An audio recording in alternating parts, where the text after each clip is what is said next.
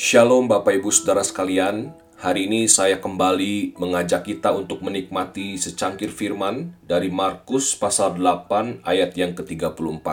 Ini adalah bagian terakhir dari rangkaian seri renungan dengan topik syarat-syarat mengikut Yesus, yaitu menyangkal diri dan memikul salib. Saya akan membacakan Markus pasal 8 ayat 34. Dengarkanlah firman Tuhan.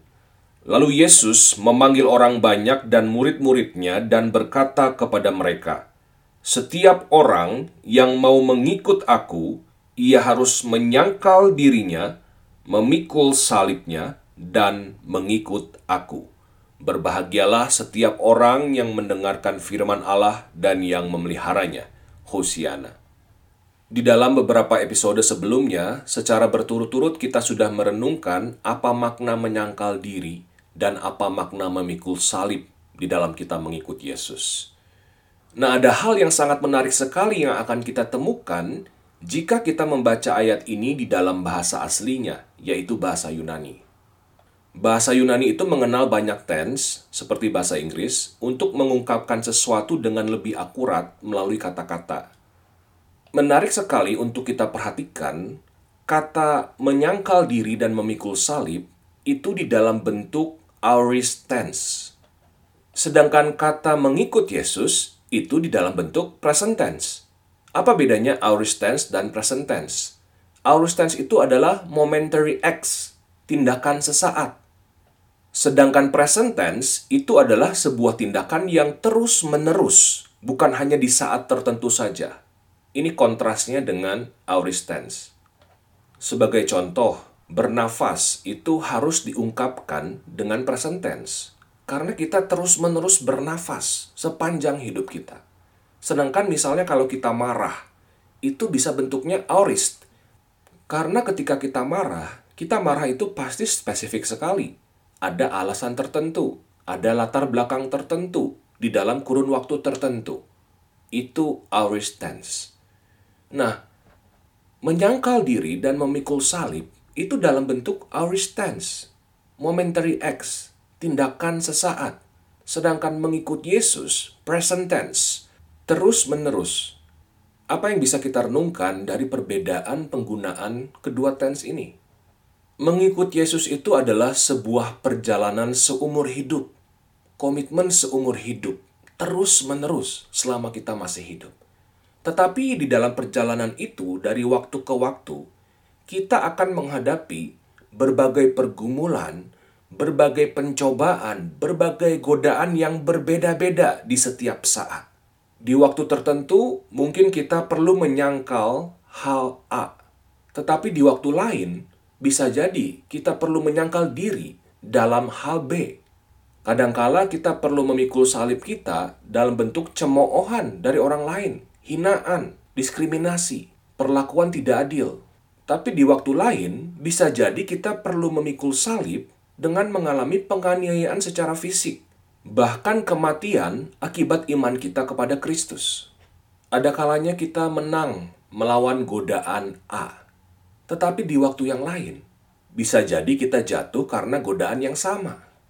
Kalau kita sudah menang melawan dosa X, bukan berarti kita akan selalu menang melawan dosa X.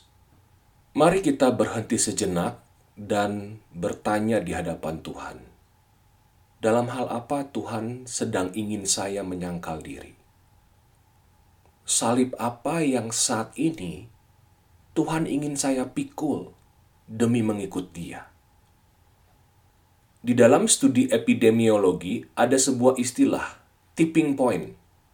Bisa diterjemahkan sebagai titik kritis ini adalah sebuah momen penting, momen kritis, di mana sebuah wabah itu antara bisa dikendalikan atau betul-betul tidak bisa dikendalikan sama sekali.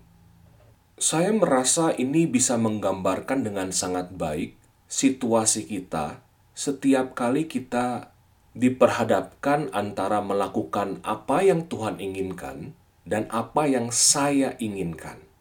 Tarik-menarik antara kehendak Tuhan dan kehendak saya yang berdosa. Bohong atau jujur ya? Kalau mau saya aman, saya mesti bohong, saya nyaman. Tapi Tuhan mau saya jujur. Bohong atau jujur ya? Saya yakin kita pernah mengalami situasi seperti ini. Inilah yang disebut dengan tipping point. Ini adalah momen kritis di mana kita pada akhirnya akan memutuskan, aku akan mengikuti kehendak Tuhan atau aku akan mengikuti kehendak diriku sendiri. Inilah momen di mana kita perlu menyangkal diri, perlu memikul salib kita. Ketika ini kita alami, ingatlah situasi ini tuh tidak akan terjadi selama-lamanya. Itu adalah sebuah momen Godaan itu sifatnya sementara, tidak akan selama-lamanya. Ketika kita mengalami tipping point itu, ingat, ini godaan yang sementara, yang harus saya lawan, yang harus saya hadapi dengan pertolongan Roh Kudus. Kalau saya memutuskan untuk menyerah, saya telah menyia-nyiakan pengorbanan Kristus di atas kayu salib. Kalau saya menang, maka di situlah saya akan menjadi semakin serupa dengan Kristus. Dan Tuhan pun berkenan atas hidup saya. Hari ini tentu kita akan diperhadapkan dengan begitu banyak pilihan antara mengikuti kehendak Tuhan atau menuruti kehendak kita sendiri. Kita akan mengalami tipping point demi tipping point hari ini. Doa dan harapan saya dengan pertolongan Roh Kudus kita akan menggunakan momen kritis itu untuk pada akhirnya memilih untuk menyangkal diri kita, memikul salib kita, demi mengikut Yesus, Tuhan dan Juru Selamat kita yang telah mati dan bangkit untuk kita semua. Tuhan memberkati. Amin.